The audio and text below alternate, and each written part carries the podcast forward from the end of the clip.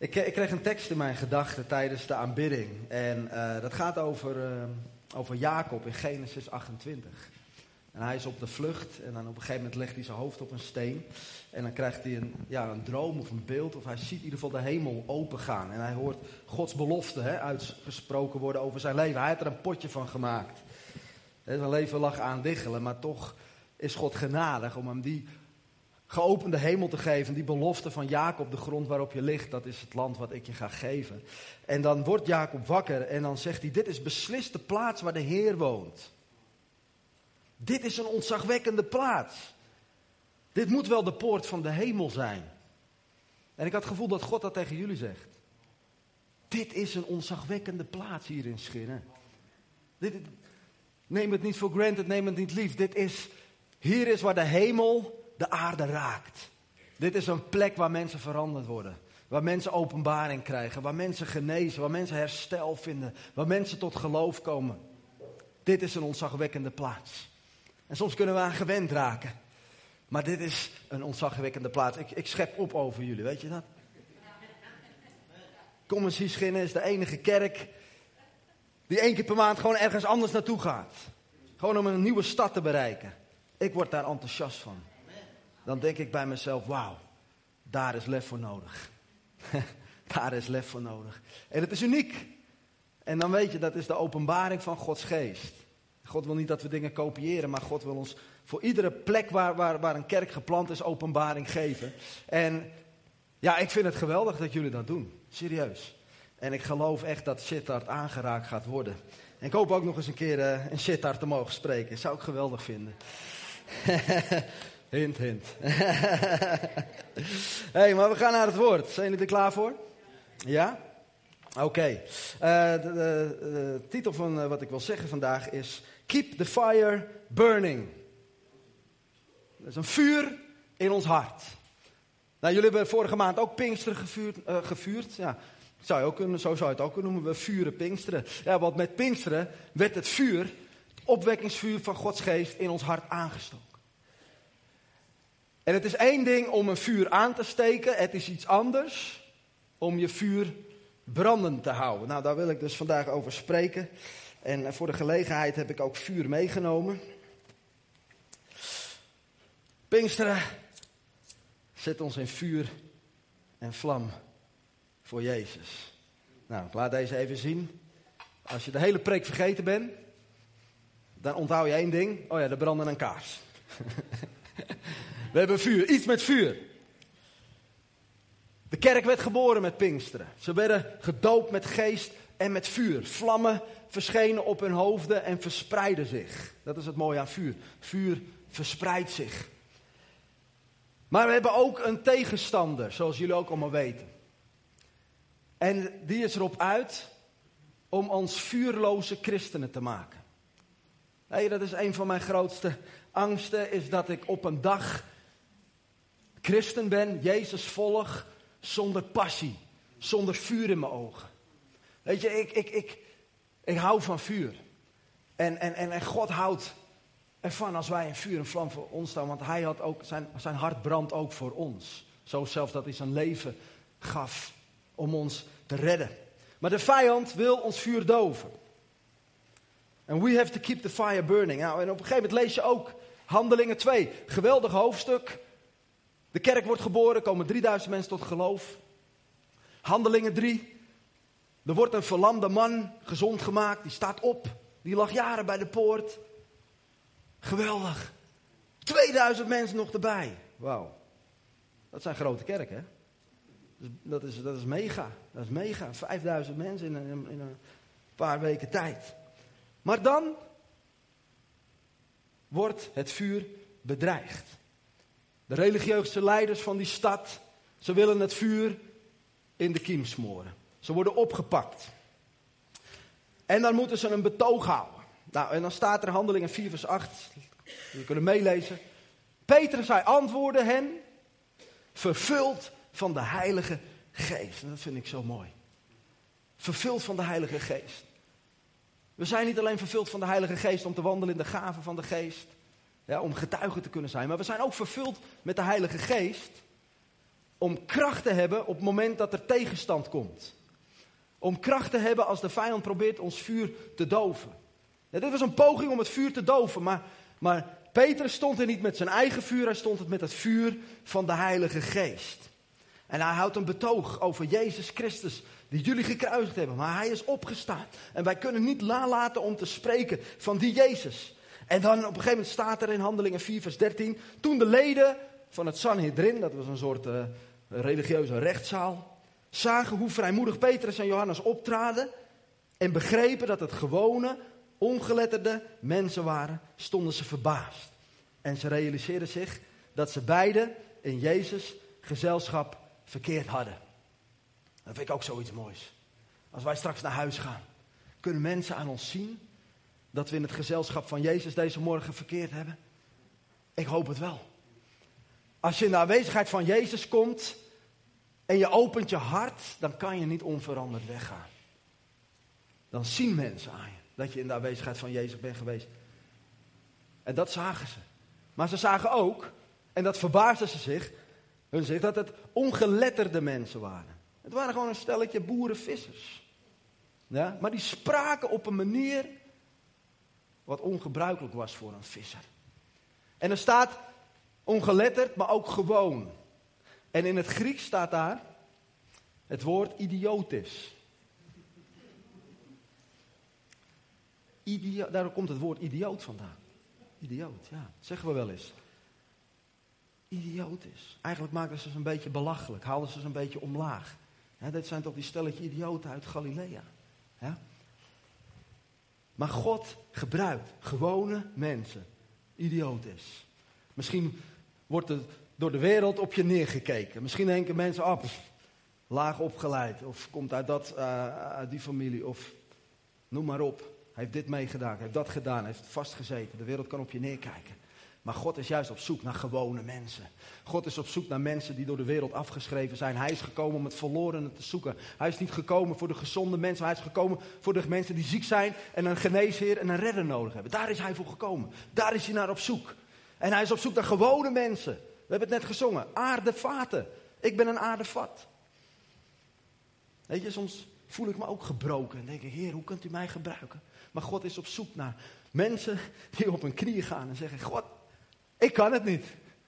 Ik kan, ik kan het niet van mezelf verwachten. Maar ik ben een leeg vat. Ja, ik ben van aarde. Ja, er zitten wat basjes in. Maar ik ben een leeg vat. En het is dat vuur van de Heilige Geest. Die waarde geeft aan dat vat. Ja? Jezus woont in ons. En als Hij in je woont, dan ben je waardevol. Dan ben je waardevol, want de schat die je hebt is Jezus. En die is waardevol. De Heilige Geest is niet op zoek naar mensen met een heel hoog theologisch mastersdiploma. Dat wij eerst, dat Bart en ik eerst nog tien jaar moeten gaan studeren in Verwegistan. Voordat we gebruikt kunnen worden door God. Nee. God is niet op zoek naar mensen met de grootste invloed. God is niet op zoek naar de mensen met de grootste positie. God is op zoek naar mensen met het grootste verlangen naar Hem. En daar begonnen we vanochtend mee. Ik verlang naar uw aanwezigheid. Gods ogen gaan over de hele aarde, staat er in Kronieken, op zoek naar wiens hart volkomen naar hem uitgaat. Daar is God naar op zoek. Niet of je een hele uh, dikke portemonnee hebt of een hele invloedrijke positie hebt. Het is, is niet verkeerd als je dat hebt. Maar ten eerste kijkt God naar je hart. God zoekt gewone mensen om buitengewone dingen doorheen te doen. God zoekt een gewone kerk in Schinnen om buitengewone dingen doorheen te doen. Het is buitengewoon wat God doet, ook via het helpcenter. Het is buitengewoon. Maar het is een gewone politieman die dat op zijn hart heeft gekregen en die dat in gang heeft gezet. Is toch geweldig? Ik word daar enthousiast van. Ze worden bedreigd. Ze zeggen, hou op met over die naam van Jezus spreken. Nou, wat voor bedreiging zullen ze gehad hebben? Anders gooien we in de gevangenis. Anders dan onthoofden we je. Of we geestelen je. Nou, in ieder geval, ze werden bedreigd. Maar ja, als de, het bewijs van de kracht van Jezus naast je staat. Ik bedoel, de verlamde man. Of nou de eens verlamde man stond naast hem. Ik bedoel, als je dat niet met je mond vol tanden doet staan. Ze konden er niks tegen inbrengen. Dus het enige wat ze konden doen is dreigen. En zeggen, spreek er niet meer over. Maar ze lieten ze gaan. Nou, en wat doen ze dan? Handelingen 4 vanaf vers 27. Laten we even lezen met elkaar. Ze komen bij elkaar. Wat moeten we doen als er tegenstand is? Wat moeten we doen als er moeilijkheden in je leven zijn? Niet wegblijven. Niet alleen thuis gaan zitten, jammeren. Nee, samenkomen. Samenkomen. Dat is wat ze hier deden. En ze gaan samen bidden. En ze zeggen, want inderdaad, in deze stad hebben allen samengespannen tegen Jezus. Uw heilige dienaar, die door u is gezalfd. Herodes, Pontius Pilatus, alle volken, ook de stammen van Israël. Om datgene te doen waarvan u had bepaald en voorbestemd dat het moest gebeuren. Wel nu, Heer, sla acht op hun dreigementen. En stel ons, uw dienaren, in staat om vrijmoedig over uw boodschap te spreken. Door ons bij te staan, zodat zieken genezing vinden. Er tekenen en wonderen gebeuren in de naam van Jezus, uw heilige dienaar. En toen ze hun gebed beëindigd hadden, dat is wel mooi hè, met Pinkster kwam het plotseling en hier wachtte de Heilige Geest tot ze klaar waren met bidden. En begon de plaats waar ze bijeen waren te beven. Kun je je voorstellen dat de boerderij beeft? Dat is wat hier gebeurde. Letterlijk beefde de plaats. En alle werden vervuld van de Heilige Geest en spraken vrijmoedig over de boodschap van God. Nou, om een vuur, een vuur aan te steken, dat is één ding, maar een vuur brandende houden is iets heel anders. Als je niet iets, als je, als je niks doet, dan doof je vuur. Dat is één ding wat zeker is. Als ik nu dit laat branden, dan op een gegeven moment zal het doven. Ik zal niet met jullie wachten tot dat gebeurt, want dan duurt de dienst heel erg lang. Maar je moet iets doen om je vuur brandend te houden. Nou, dit was een poging, de dreigementen om het vuur te doven. En ik wil vandaag drie, eh, drie bedreigingen voor je vuur noemen. Drie dingen die je moet doen om je vuur brandende te houden. Goed. Ten eerste, zorg dat je voldoende zuurstof hebt. Dat is heel belangrijk, op vuur. En ik realiseer me nou dat ik iets vergeten ben. ik ben een schoteltje vergeten. Nee, dat gaan we niet doen. Maar als ik hier een schoteltje opleg, lang genoeg, dan binnen vijf seconden is het vuur uit. Het vuur is gedoofd. Niet meteen, langzaam. En zo is het vaak met ons geestelijke vuur. Vaak heb je niet door dat je vuur aan het doven is. Het gaat geleidelijk. Het is niet in één keer. Maar het dooft wel. Op een gegeven moment als je niks doet. Nou, wat is nou het geestelijke zuurstof van God? Ten eerste, en dat kunnen we halen uit dit gedeelte, is gebed. Ze kwamen samen om te bidden. En toen ze hun gebed beëindigd hadden, toen begon de plaats te beven. En ze werden vervuld met de Heilige Geest. Dus het gebed, samen bidden, maar ook je persoonlijke gebedsleven, dat is geestelijke zuurstof voor je ziel. Je hebt het niet doorgehad met de afgelopen vijf seconden heb je een aantal keer geademd. Toch? Dat doe je vanzelf. En als, je, als ik je nu vraag om wie kan het langste adem inhouden, nou dat wordt ook uh, lachen, gieren, brullen.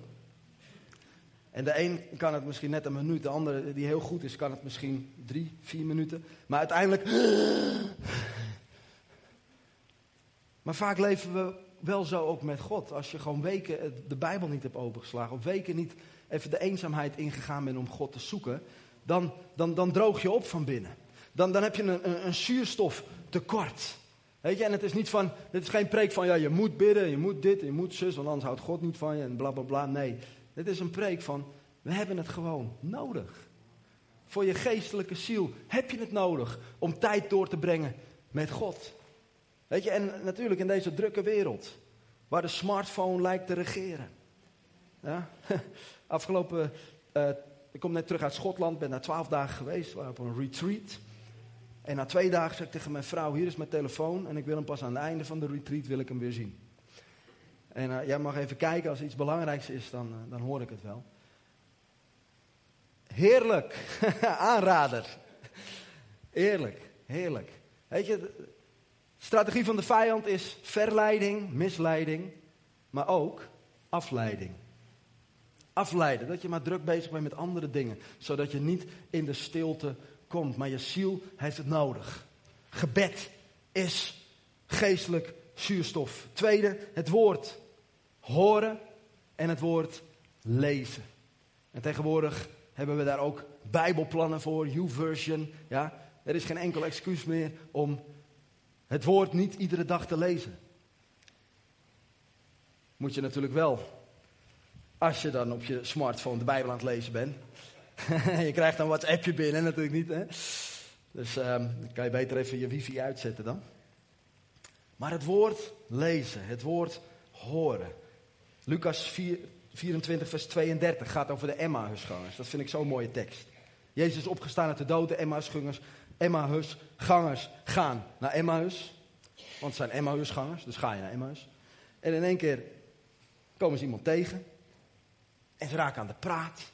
En die man die vertelde over het Oude Testament, de Torah. En die, die, die, die liet de teksten zien over de Messias. Over hemzelf eigenlijk. Maar ze hadden nog steeds niet door dat het Jezus was. Nou, op een gegeven komen ze in Emmaus aan. En dan openbaart Jezus zich. En dan staat er in Lucas 24, vers 32, die Emmausgangers zeiden tegen elkaar, brandde ons hart niet toen hij onderweg met ons sprak en de schriften voor ons ontsloot. Dat vind ik zo mooi. De Bijbel is een, is een levend boek. Het is geen oud, stoffig geschiedenisboek. Nee, het is een liefdesbrief van God aan ons. Het is geschreven door de Heilige Geest. Niet om, om dode letters te zijn, nee, maar om levend gemaakt te worden. En wat de Heilige Geest doet, is de schriften aan je openbaren. Hier werd Jezus geopenbaard in het Oude Testament. En als je zo het Oude Testament gaat lezen, dat je overal Jezus ziet, man, dat is geweldig. Maar soms kan je de Bijbel lezen, heel eerlijk hè, dat heb ik ook. Dan lees ik de Bijbel en dan denk een minuut later, wat heb ik nou gelezen? Kennen jullie dat? Je leest het, maar je bent met je gedachten heel ergens anders. Hoe krachtig is het als je de Bijbel leest? En dan zegt Heilige Geest, wilt u, me, wilt u me laten zien? Wilt u me iets nieuws laten zien? Je leest het nog een keer. Je gaat erop mediteren. En in één keer springt er een zin uit. Je hebt hem al duizenden keren gelezen en gehoord. Maar in één keer komt er iets tot leven wat je nog nooit gezien had. En het is precies van toepassing op jouw situatie. Dat, is dat zijn die momenten. Ik weet niet of hoe, jullie dat hebben, maar ik sta dan te stuiteren. Ik denk, oh God, halleluja, u spreekt tot mijn hart. En er brandt een vuur in mij. Weet je, wij Limburgers, wij moeten altijd ver reizen hè, om overal naartoe te gaan. Alles is boven de rivieren. Weet je, mij maakt dit niet uit. Het is een twee preken reis op de heenweg, twee preken reis op de terugweg. En als ik dan uit de auto kom, dan stuiter ik uit de auto van yes, halleluja, ben ik opgebouwd. Jullie hebben ook de preken op internet. Dat doen we ook omdat het vuur naar buiten gaat. Andere mensen het woord horen. Maar het is natuurlijk niet zo dat, oh, we hebben het op internet, dus we blijven maar thuis op zondag. Nee, er is kracht in het live horen van het woord. Onder het woord komen. Onderschat dat niet. Het bouwt je op. Het zet je in vuur en vlam. Derde, wat hier gebeurt, is dat ze vervuld werden met de Heilige Geest. Ik las het net, Handelingen 4, vers 8. Peter stond vervuld met de Heilige Geest. En aan het einde van het hoofdstuk worden ze opnieuw vervuld met de Heilige Geest. Dan denk je, huh? hoe kan dat? Ik heb er ook over nagedacht, maar weet je, als jij en ik met de dood bedreigd zouden worden, met gevangenschap bedreigd zouden worden. Ja? Ze komen hier en zeggen, Bart, als je zo doorgaat, dan ga je naar de Geerhorst. Toch? Jullie hebben de Geerhorst, hè? Ja. Nou, ik zou wel een beetje geïntimideerd zijn van, wow, heftig. Weet je, we zijn allemaal mensen. Gewone, ongeletterde mensen waren het. Ja? En niemand wil, wil dood, toch? Nee, dat waren echt geen mensen die, die uh, last hadden van zelfmoordneigingen. Nee, natuurlijk waren ook mensen, wilden leven. Wilden vrij zijn. Dus hun vuur werd bedreigd. Zeg, niet voor niets gingen ze op hun knieën en zeggen: God, geef ons meer vrijmoedigheid. Waarom bid je om meer vrijmoedigheid? Omdat je meer vrijmoedigheid nodig hebt. Omdat je toch ergens, ergens voel je je geïntimideerd. En zo, dat is onze vijand. Hij intimideert ons. En zeker als we een nieuw land gaan innemen, als we nieuwe stappen gaan zetten, dan moet je ook als, als, als persoon en als kerk voorbereid zijn op tegenstand. En nou niet terugschrikken. Nee, op je knieën gaan. Zeg, God, geef me meer vrijmoedigheid om dwars door die tegenstand heen te breken. Want ik zal niet zwijgen over de naam van Jezus. Ze werden vervuld met de Heilige Geest. En het vierde punt is, ze kwamen samen. En er staat, allen werden vervuld met de Heilige Geest. Allen, dat vind ik zo mooi. Er is kracht in samenkomen. Houden jullie ook van barbecuen? Ja? Ik ben laatst Weber geboren.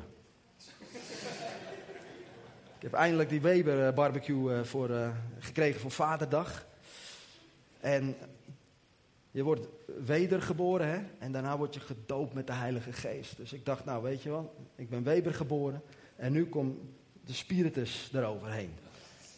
De Spiritus. Ja, het woord zegt het al, hè? De Spiritus Santos. Maar ik zeg daar, weet je, en, en het fik ging erin. Grote vlammen.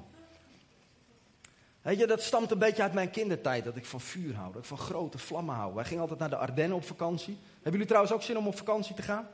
Ja, ik ook. Weet je, die camping was geen bal aan, er was niks te doen, het was klein, het was vies, het was oud, maar je kon daar vuur maken voor je tent. Dus familie de Zwart, wij komen uit een jongensgezin, wij wilden elk jaar terug naar die camping. En dan zaten we dan voor onze tent en wij uh, gingen hout zoeken. Twee weken later was er geen hout meer te vinden in de wijde omtrek. We moesten steeds hoger de heuvels op om hout te halen. En op een gegeven moment zagen we ergens bij het grof vuil zagen we een houten picknicktafel afgedankt. Huppakee, meeslepen. Coniferen die ergens gesnoeid waren, hup, meeslepen. Ik weet niet wat mijn vader aan het doen was, maar hij was niet aan het opletten. En wij gooiden dat op, de, op, de, op het kampvuur en het begon me toch te fikken, joh. En de wind waaide. En het vuur verspreidde zich. En toen kwam de campingbaas. Stop dat vuur. Dit moet kleiner. De andere campinggasten hebben geklaagd. Ze zijn bang dat hun tenten in de fik gaan. ja, dat is inderdaad in het natuurlijke kan vuur gevaarlijk zijn. Daar moet je mee opletten. Maar in het geestelijke is het zo dat het vuur niet groot genoeg kan worden, want dan gaat het zich verspreiden. En ik wil een vlam zijn wat anderen aanvuurt. Ik wil een vlam zijn wat anderen warm maakt. Ik wil een vlam zijn wat in de duisternis licht geeft. Maar de vijand zal zeggen: hé, hey, doof dat vuur. Niet te klein, het gaat zich verspreiden. Samenkomen. Ik had het over de barbecue. Als je één houtskooltje eruit haalt, dan zal die heel snel doven. Maar al die houtskooltjes bij elkaar houden elkaar warm. En die barbecue blijft mega lang warm. Dat is de kracht. Onderschat niet de kracht van samenkomen. Als de een eventjes een mindere week heeft gehad, maar de ander heeft net een geweldige aanraking van God gehad, dan vuur je elkaar aan. En zo ben je samen kerk. Nou, zijn jullie nog met me? Was mijn eerste punt. Geestelijk zuurstof. Tweede punt is zorg dat er altijd brandstof is. Nou, wat is het brandstof van deze kaars? Kaarsvet, yes. Zolang er kaarsvet is in deze kaars, dan blijft die branden. Zonder kaarsvet is het alleen maar een, een, een, een draadje. Het zal, zal, niet veel, uh, zal niet veel doen. Het zal niet gaan branden. Nou, God wil dat ons vuur altijd blijft branden. Nou, in Leviticus 6 lezen we dat ook. Er staat: Het vuur op het altaar moet altijd blijven branden. Het mag niet doven. Elke ochtend moet de priester hout op het vuur doen, er een nieuw brandoffer op leggen en het vet van het vredeoffer erop verbranden. Het vuur op het altaar moet steeds blijven branden. Het mag niet doven. Iedere ochtend brandhout. Iedere ochtend, zoals de dag met God beginnen, leggen we brandhout op ons altaar. Wij zijn een tempel van de Heilige Geest. We hebben een altaar. En die altaar is de, de plaats waar jij God ontmoet. Waar God tot jou spreekt. is jouw gebedsleven. Brandhout. En er staat ook vet voor het vredeoffer. Nou, barbecue is onder ons. Waar beginnen we mee? Met de speklappen, toch? ja. Want dat vet druipt dan op de houtskool en het barbecue gaat sneller brand worden. Vet, olie, het is de Heilige Geest. Die het vuur aanwakkert. Als je niet die tijd neemt om brandstof aan te vullen. Wat gebeurt er dan? Als de kaarsvet op is, dan gaat hij uiteindelijk uit. Dan zeg je dan, de kaars is opgebrand. Nou, doet me denken aan een andere term. Burn-out. Opgebrand. We zijn een geest, ziel en lichaam. We zijn een tempel van de Heilige Geest. En soms kunnen we zo druk met van alles en nog wat zijn dat we vergeten dat we een lichaam hebben. En dat we ook rust moeten nemen. Er moet een balans zijn tussen ontspanning en inspanning. Wat ik al zei, ik was in Schotland in de eerste twee dagen. Ik had wel Park City Church verlaten. Maar Park City Church had mij niet verlaten. Die bleef maar in mijn hoofd zitten. Het is zo belangrijk om na inspanning ook weer ontspanning te hebben. Ik was uh, met Pinkster heb ik een uh, preek gedaan over, uh, over opwekking. En toen zei ik even met Bart over. En Bart zei: Weet je wat mooi is om eens te lezen? De opwekking van Wales. Ja, dat was een, een geweldige opwekking. Een, een, een man, pardon, Evan Roberts. Hij was een jonge knul van twintig. En hij was een simpele jonge man. Hij was niet eens een spreker. Een journalist had gezegd, hij heeft totaal gebrek aan leiderschapskwaliteiten. En hij was zo met God bezig, hij was zoveel aan het bidden dat ze hem zelfs de mystical lunatic noemden. Nou, daar begon ik mee. Idiotisch. Hij was gewoon. Voor de wereld misschien ongeschikt. Maar, elf jaar voordat de opwekking uitbrak in 1904, had hij zich voorgenomen om te gaan bidden voor opwekking. Hij wilde de Heilige Geest. En hij bad er intensief voor. Hij sprak over, over niets anders. Hij had zelfs ontmoetingen met de Heer. Dat letterlijk wat in Handelingen 4 gebeurde, dat het huis begon te schudden, zo begon zijn bed te schudden. Zulke ontmoetingen had hij met de Heer. En hij bad hele nachten door. En in 1904, 1905 brak er een geweldige opwekking uit. 150.000 mensen kwamen tot geloof. Kun je dat voorstellen? Dat is Heerlen, Landgraaf en Brunsum bij elkaar. Maar, wat gebeurde er? Waarom doofde de opwekking uit? Hij nam negen maanden lang geen rust. En uiteindelijk kreeg hij een zenuwinzinking en werd hij depressief. En trok hij zich terug. En halverwege de revival konden mensen al merken dat er iets veranderd was. Hij was wat gefrustreerder. Hij probeerde dingen te forceren. Ja? Deed dingen in eigen kracht. Hij verloor eigenlijk steeds meer het contact met de aansteker. Waar heb ik hem? De aansteker. Waar we het vuur vandaan krijgen. De Heilige Geest. En je zult toch steeds weer brandstof moeten krijgen en ook je lichaam rust moeten gunnen. Nou, de vakantieperiode staat voor de deur. Dat is wel een goede preek voordat de vakantie begint. Hè? Neem je vakantie. En, en, en, en neem die rust. En, en, en laat alles even. Geniet van je vrouw, van je, gezin, van je kinderen. En een van de dingen die ik ook uh, wil hanteren in mijn leven is het principe van de zevende dag. Als God na zes dagen rustte. Dat deed hij niet omdat hij zo moe was. Maar hij deed dat als voorbeeld voor ons. Weet je, alles is een beetje vastgesteld door de planeten, door de maan. We hebben een maand, door de, zon. We hebben een jaar.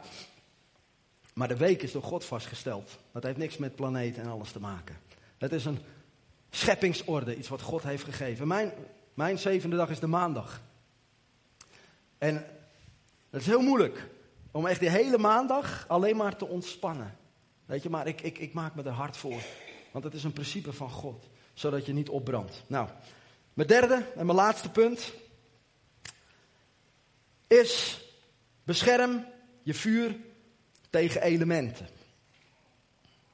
Je vuur, het brandt, wordt aangestoken. Je hebt kaarsvet, je hebt zuurstof. Als ik dan zo'n kaarsje zie, dan, dan moet ik denken aan een liedje. Jullie ook? Welk liedje denken jullie aan? Oh ja, die. Ja, ik dacht aan het liedje This Little Light of Mine. Dat is wel een heel klein lichtje, hè? This little light of mine, I'm gonna let it shine. This little light of mine, I'm gonna let it. Hey, what happened? Ik was zo, uh, zo blij met mijn vlammetje. En ik heb genoeg geestelijk zuurstof, genoeg brandstof. En één keer kwam er een windvlaag. Ja, zo kan het soms ook gebeuren in ons geestelijk leven. Ons leven is niet alleen maar, het leven met Jezus is niet alleen maar wind mee, rozige maneschijn. Soms kunnen er omstandigheden op je pad komen, dingen die je niet hebt zien aankomen. Misschien iemand verloren, waar je heel lang voor gebeden hebt en het is als een windvlaag. Misschien iemand waarvan je niet verwacht had, die je teleurgesteld heeft. Iemand die een belofte heeft gebroken. Of je bidt al heel lang ergens voor en het komt maar niet uit. Het zijn allemaal omstandigheden, elementen van buiten die je vuur kunnen bedreigen. En voor het mooie, we hadden net dat woord van kennis. We hebben ook verkeerd vuur. Verkeerd vuur kan jouw vuur, Gods vuur, in jou doven. Het vuur van verleidingen, het vuur van zonde. Weet je, van dat vuur moet je vandaan blijven. Want daar brand je je vingers. Het vuur van de Heilige Geest zal je niet beschadigen. De braamstruik van Mozes brandde niet op. Het verteerde niet, nee, maar het vuur was er wel bij. Maar er is ook een verkeerd vuur, het vuur van verleidingen. Met name op seksueel gebied, waar we vandaag de dag enorm door overspoeld worden. Voor je het went of keert, brand je je eraan en beschadig je. Dus blijf van het, dat vuur vandaan. De vraag vandaag is, als er tegenwind komt in je leven, zoals hier bij de apostelen, zorgt de wind ervoor dat je omvergeblazen wordt? Of zorgt tegenwind ervoor dat je opstijgt? Want als je vuur hard brandt voor God, als er brandstof goed zit, als de geestelijke vuurstof goed zit, wat gebeurt er dan als je erop gaat blazen? Dan wordt het aangewakkerd. Het vuur wordt groter. En wij mogen ervoor kiezen dat het, als het tegenwind komt in ons leven, dat het vuur juist aangewakkerd wordt. Dat het vuur juist harder gaat branden. Dat we ons niet omver laten blazen, maar dat we zoals Jesaja 40 zegt, dat we onze vleugels uitspreiden als adelaren. En dat zij die de Heer verwachten, putten nieuwe kracht. Ook als er tegenwind komt. En jongelingen, ze rennen, maar ze worden niet moe. Ze wandelen, maar ze worden niet mat. En dat is mijn verlangen. Dat tegenwind juist jouw vuur harder doet aanwakkeren. En dat is ook wat hier gebeurt met Jeremia. Jeremia hij werd bedreigd, want hij sprak de woorden van de Heer. Hij kreeg stokslagen. Hij werd gevangen gezet. Stop met te spreken over de naam van God. Maar dan staat er in Jeremia 20, vers 9, dat lezen we. Lees maar mee. Als ik denk, ik wil hem niet meer noemen, ik wil niet meer spreken in zijn naam, dan laait er in mijn hart een vuur op. Wauw, dat is mooi hè. Er laait een vuur op in mijn hart. En het brandt in mijn gebeente. Ik doe moeite om het in bedwang te houden, maar ik kan het niet. Het vuur van de Heilige Geest in Jeremia ging harder branden. Naarmate de tegenstand toenam. Waarom? Omdat hij, hij had zijn relatie met God. Hij had geestelijk brandstof. En toen het vuur, de wind eroverheen kwam, toen begon het juist harder te branden. Weet je, dat is precies wat er, wat, wat er gebeurt als er tegenstand komt. Kijk maar eens naar, naar China. In China is een machtige opwekking aan de gang, al jaren. Maar wat is een, een, keerpunt geweest in China, in die machtige opwekking? Dat was medio jaren 80, 1985. Toen was de vervolging enorm. De Chinese overheid wilde de, de kerken vervolgen, de christenen vervolgen, de opwekking doven. Maar juist het jaar dat de Chinese overheid hun vervolging deed toenemen, intensiveerde, is het jaar waarvan ze nu op terugkijken. Dat was het jaar dat er een frisse wind van de Heilige Geest kwam. Dat er meer en meer gebeden werd. Dat, dat honger naar God toenam. Dat wonderen en tekenen gebeurden. Dat is wat er gebeurt.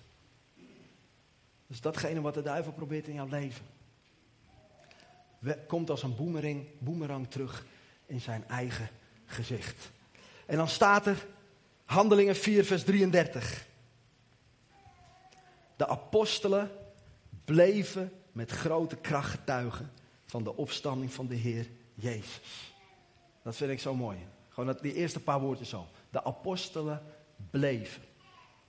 En dat is een, dat is een besluit. Ik geef nooit op.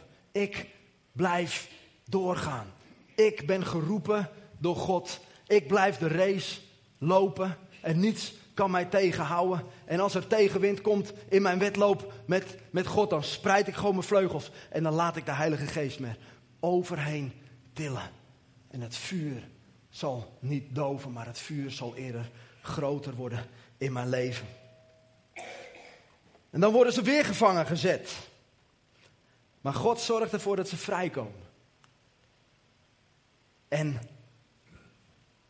ze gaan terug en ze spreken opnieuw. Ze laten zich niet tegenhouden. En ze worden weer opgepakt. En ze dreigen hen te doden. En dan worden ze weer voor die rechtszaal gebruikt, gezet. En dan spreekt de fariseer Gamaliel. En daar wil ik mee eindigen. Handelingen 5 vers 34. Hij gaf de opdrachten, hij gaf de opdracht de apostelen een ogenblik naar buiten te brengen. En zei vervolgens, Israëlieten, overweeg nog eens goed wat u van plan bent met deze mensen dus de apostelen, te doen. Immers enige tijd geleden wierp Teudas zich op als een man die het volk zou leiden. En ongeveer 400 mensen sloten zich bij hem aan. Hij werd gedood, zijn aanhang viel uiteen en verdween in het niets. En na hem was er Judas de Galileër, die ten tijde van de volkstelling met zijn volgelingen in opstand kwam. En ook hij ging ten onder en al zijn volgelingen werden uiteengedreven. En daarom zeg ik, zeg ik, hou u afzijdig van deze mensen en laat hen begaan. Want als het mensenwerk is wat ze nastreven, zal het op niets uitlopen. Komma, maar. Daar hou ik altijd van, het moordje waar. Als het Gods werk is, zult u niets kunnen uitrichten. Of het zou nog wel eens kunnen blijken dat u tegen God strijdt. Dat is een belofte die God ons geeft. Dat goede werk wat Hij in je is begonnen, zal Hij voleindigen. Totdat Jezus terugkomt. De poorten van de hel zullen de gemeente nooit en te nimmer overweldigen. Geen wapen wat tegen je gesmeed is, zal stand houden. Het zijn allemaal beloften. Gods werk is niet te stoppen. Gods werk in Schinnen is niet te stoppen. Gods werk in Sittard is niet te stoppen. Gods werk in jouw leven is niet te stoppen. Zo met elkaar gaan staan. Ik wil vragen dat de band naar voren kan komen. Ik wil gewoon deze drie punten gewoon eens doornemen. Terwijl we allemaal even onze ogen sluiten. Dat is gewoon een vraag die je jezelf mag stellen. Die je God mag stellen. En de vraag is, hoe is het met, je, met je geestelijke vuur? Hoe is het met je geestelijke vuur als we zo de vakantie ingaan? En dat is mijn gebed. Dat je rust neemt. Dat je ontspannen wordt. Maar het is ook mijn gebed dat je, dat je God gaat zoeken.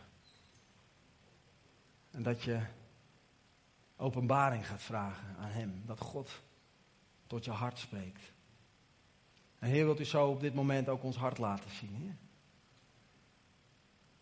Heer, en daar waar vlammetjes zijn, ja, uit zijn gegaan, of misschien bijna uit zijn gegaan. Heer, wilt u op dit moment doen wat u ook in Handelingen 4 deed. Heer, wilt u komen en wilt u ons vervullen met de Heilige Geest. Heren, opnieuw. Heren, zet ons een vuur en vlam. Heren, alles wat ons vuur bedreigt, Vader God. Heren, we willen dat verwerpen. We willen dat afwijzen in de naam van Jezus. Heren, bid, Heere God, voor een nieuwe vervulling. Heer, ik bid voor ons gebedsleven. Blaas vuur in ons gebedsleven. Blaas een nieuwe, nieuwe frisheid, Heer. Een nieuwe passie, Heer. Een nieuwe intimiteit in ons gebedsleven, Vader. Heren, blaas nieuw vuur in onze tijd die we met u doorbrengen als we uw woord lezen. Heren, daar waar voor mensen in het woord misschien droog is geworden.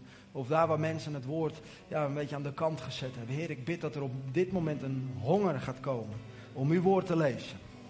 Heer, dat we los van de romannetjes die we allemaal meenemen op vakantie, dat we in ieder geval de dikke Bijbel meenemen. En dat we er prachtige openbaringen, Heer, uit gaan halen, Heer. Dank u wel, Heer God, voor de kracht van samenkomen. En misschien zijn er mensen, je hebt je ja, je ziet de kerk als een van de opties. Je kan naar het strand gaan, je kan naar de dierentuin. Oh ja, je kan ook naar de kerk gaan. Maar God spreekt heel duidelijk. Er zijn mensen hier die zeggen van, ja, je hebt samenkomen geen prioriteit meer gemaakt in je leven. Maak het een prioriteit.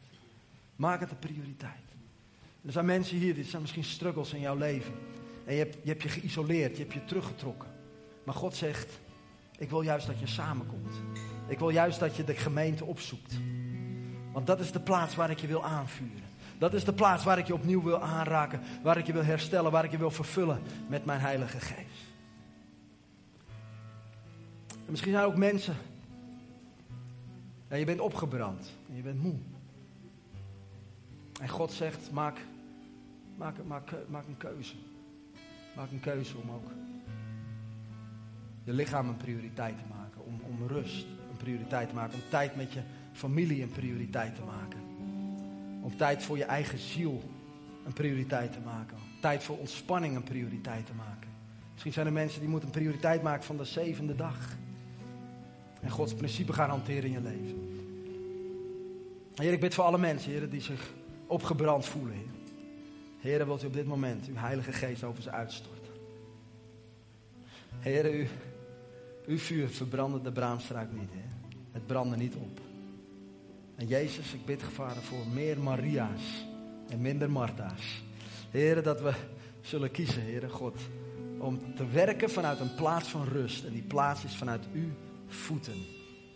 Dat is de plaats, Heere God. Want uiteindelijk, Heere, bent u die het doet door ons heen. Vergeef ons onze eigen inspanning. Vergeef ons, Heer, als we geloven dat we dingen uit eigen kracht konden doen of forceren.